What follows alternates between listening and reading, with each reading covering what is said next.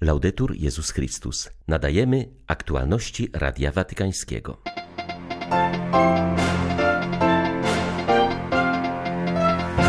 Po powrocie z Węgier Franciszek podkreślił znaczenie korzeni i budowania mostów. Podczas audiencji środowej Polaków wezwał do wytrwałej modlitwy o pokój na Ukrainie. W maju na placu Świętego Piotra można oglądać wyjątkową wystawę portretów kobiet. Ukazują one ich siłę pośród dramatów świata, życia w brazylijskich fawelach, na ukraińskich granicach i wsiach Bangladeszu. Kościoły w Sudanie apelują o zaprzestanie walk. Zaostrzenie konfliktu powoduje ogromny kryzys humanitarny, który rozlewa się na kolejne kraje Afryki. 3 maja witają Państwa Beata Zajączkowska i ksiądz Krzysztof Ołdakowski. Zapraszamy na serwis informacyjny. Królowej Pokoju polecajmy budowanie mostów na świecie, powiedział papież podczas audiencji ogólnej. Franciszek podsumował swą wizytę apostolską na Węgrzech, dziękując władzom kraju, kościołowi oraz całemu narodowi za serdeczne przyjęcie. Papież zauważył, że mocne korzenie chrześcijańskie narodu węgierskiego zostały wystawione na próbę podczas ateistycznych prześladowań. Wielu chrześcijan zostało zabitych lub uwięzionych. Kościół trwał w ukryciu, ale pozostał żywy i mocny siłą Ewangelii. Ojciec Święty zauważył, że również dzisiaj wolność jest zagrożona. Przede wszystkim w białych rękawiczkach, przez konsumpcjonizm, który znieczula, za którego sprawą człowiek zadowala się odrobiną dobrobytu materialnego i zapominając o przeszłości, pływa w teraźniejszości tworzonej na miarę jednostki. Jest to problem dotyczący całej Europy, gdzie poświęcenie dla innych, poczucie się wspólnotą, poczucie piękna wspólnego marzenia i tworzenie rodzin wielodzietnych przeżywa kryzys. Cała Europa jest w kryzysie. Zastanówmy się nad tym, jak ważne jest strzeżenie korzeni, bo tylko sięgając głęboko, gałęzie wyrosną ku górze i wydadzą owoce. Franciszek zwrócił uwagę na powołanie Europy do budowania mostów i łączenia różnic oraz przyjmowania tych, którzy pukają do jej bram. Wyraził się z uznaniem o moście humanitarnym otwartym dla uchodźców z Ukrainy.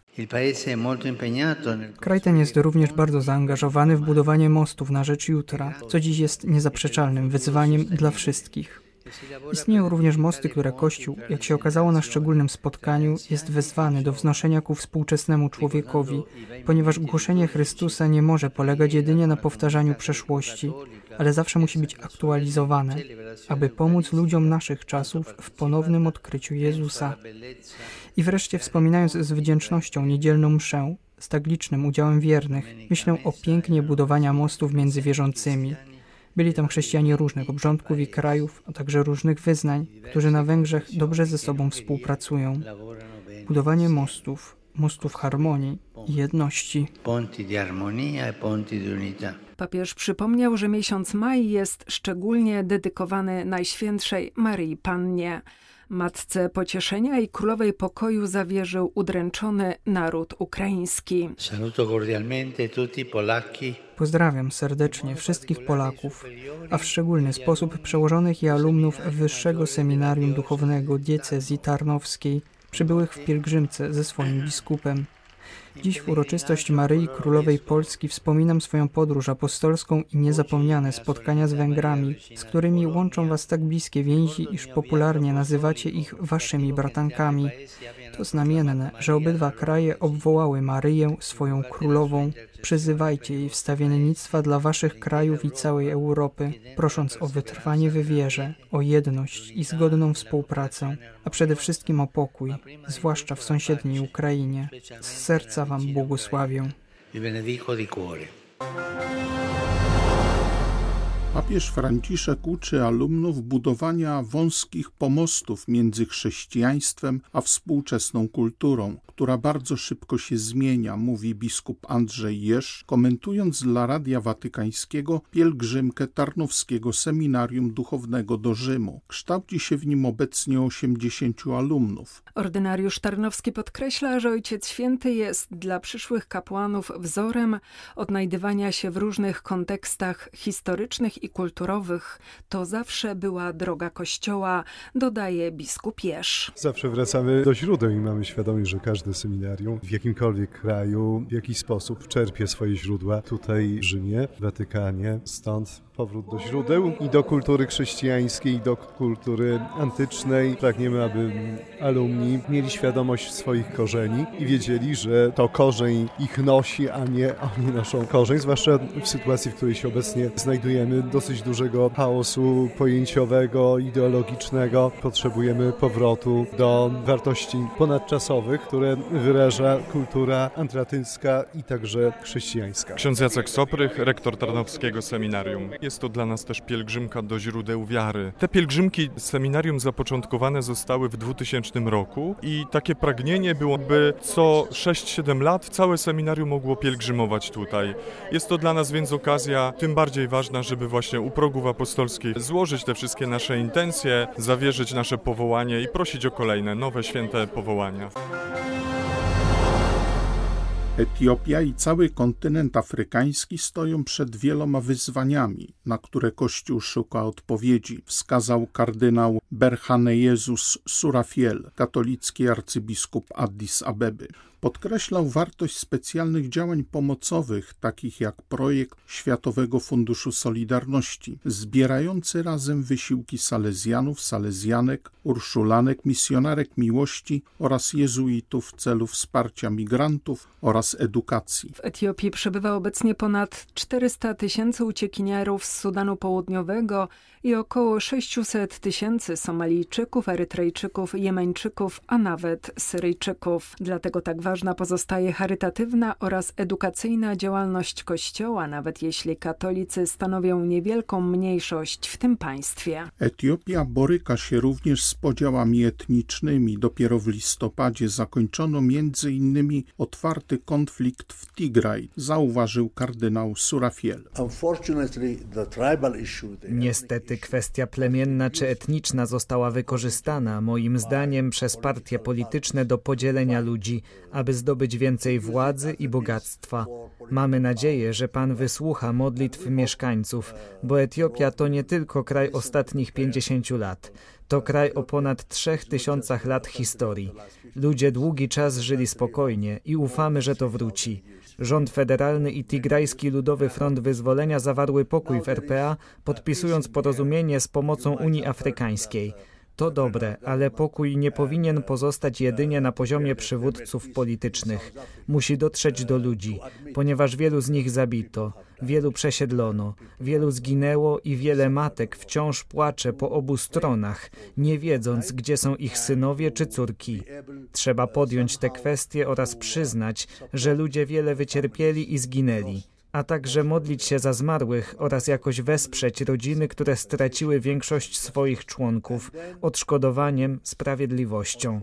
I wtedy nastanie przebaczenie, a dzięki niemu będziemy mogli budować przyszłe relacje między sobą.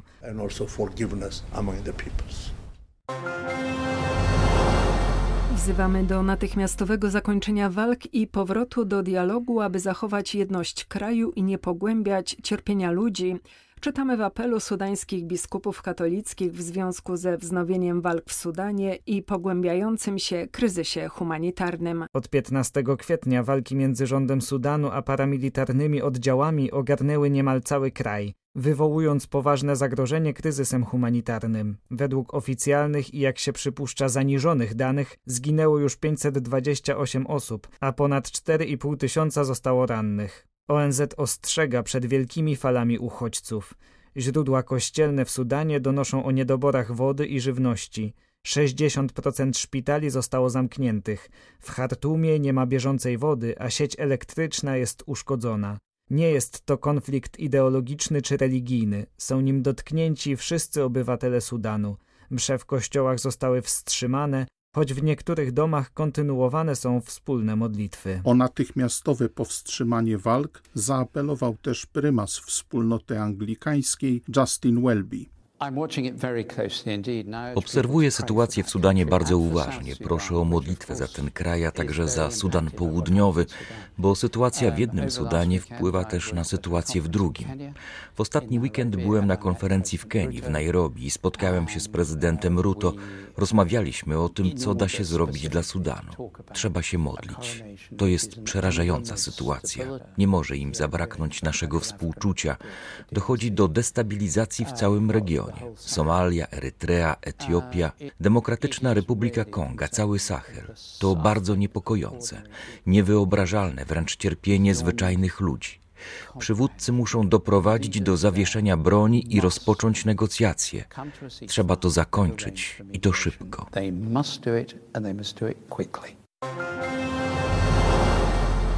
W maju na placu Świętego Piotra można oglądać wystawę 26 zdjęć zatytułowaną Krzyk kobiet.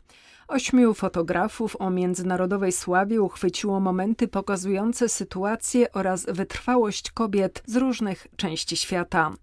Prezentacja ma zwrócić uwagę na ich często niewidoczne elementy życia oraz wysiłki podejmowane na co dzień wśród wielu trudności. Siostra Fiorella ze Zgromadzenia Sióstr Opatrzności Bożej zauważa, że całe wydarzenie mocno wpisuje się w misję Kościoła. Każdy z tych obrazów wprowadza nas w świat kobiet silnych i delikatnych równocześnie. Jestem bardzo wzruszona, bo tu uwidacznia się różne problemy, jakie mamy na świecie i dotyczą kobiet. Tak więc odnalazłam się w pełni w naszym charyzmacie, a także wewnątrz naszego kościoła, który usiłuje wyjść naprzeciw tym problemom w sposób rzeczowy. Także jako zgromadzenie pracujemy konkretnie w różnych częściach świata. Zmiany w Kościele wprowadzone przez Franciszka dają nam głębsze doświadczenie potrzeby współodczuwania z Kościołem, z papieżem, z tymi problemami, które dotykają nas w świecie w sposób konkretny.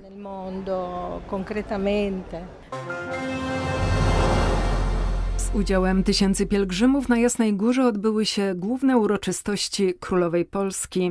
Zanoszona była szczególna modlitwa o zachowanie chrześcijańskiego ducha narodu, pokój na świecie oraz trwałe pojednanie i przebaczenie polsko-ukraińskie. Przewodniczący Episkopatu Polski przypomniał w kazaniu o przypadającej w tym roku 80. rocznicy rzezi Polaków na Wołyniu. W tym kontekście zauważył, że w życiu nie wszystko można rozwiązać za przyczyną sprawiedliwości, bo tam, gdzie trzeba postawić granicę złu, ktoś musi kochać więcej niż trzeba, aby rozpocząć nową historię. Przebaczenie uprzedza pojednanie, podkreślał kaznodzieja i wyjaśniał. Każda ze stron powinna mieć swój udział w pojednaniu na miarę własnej odpowiedzialności oraz własnych możliwości. Jeżeli drogę pojednania zaczynalibyśmy od wzajemnego licytowania się i wypominania sobie wielkości win, to w wielu sytuacjach było ono by nie tylko bardzo trudne, ale wręcz niemożliwe do osiągnięcia. Jako przykład gestu przebaczenia arcybiskup Gondecki wskazał na orędzie polskich biskupów do biskupów niemieckich po II wojnie światowej. Modlił się, by miłość stała się balsamem dla zranionych serc. Zauważył także, że beatyfikowana już wkrótce rodzina Ulmów jest dla wszystkich przykładem wierności i stawania po stronie potrzebujących pomocy. Modlitwę o pokój przynieśli na Jasną Górę przedstawiciele Białorusi, którzy przybyli z wyjątkową pielgrzymką 14 kopii najsłynniejszych wizerunków Maryi z białoruskich sanktuariów. Ikony od dwóch lat peregrynują po Białorusi, teraz w intencji pokoju. Podczas sumy poświęcona została kopia jasnogórskiego obrazu, która dołączy do pielgrzymujących wizerunków Matki Bożej. Dla Radia Watykańskiego Izabela Tyras, Biuro Prasowe Jasna Góra News. Były to aktualności Radia Watykańskiego. Laudetur Jezus Chrystus.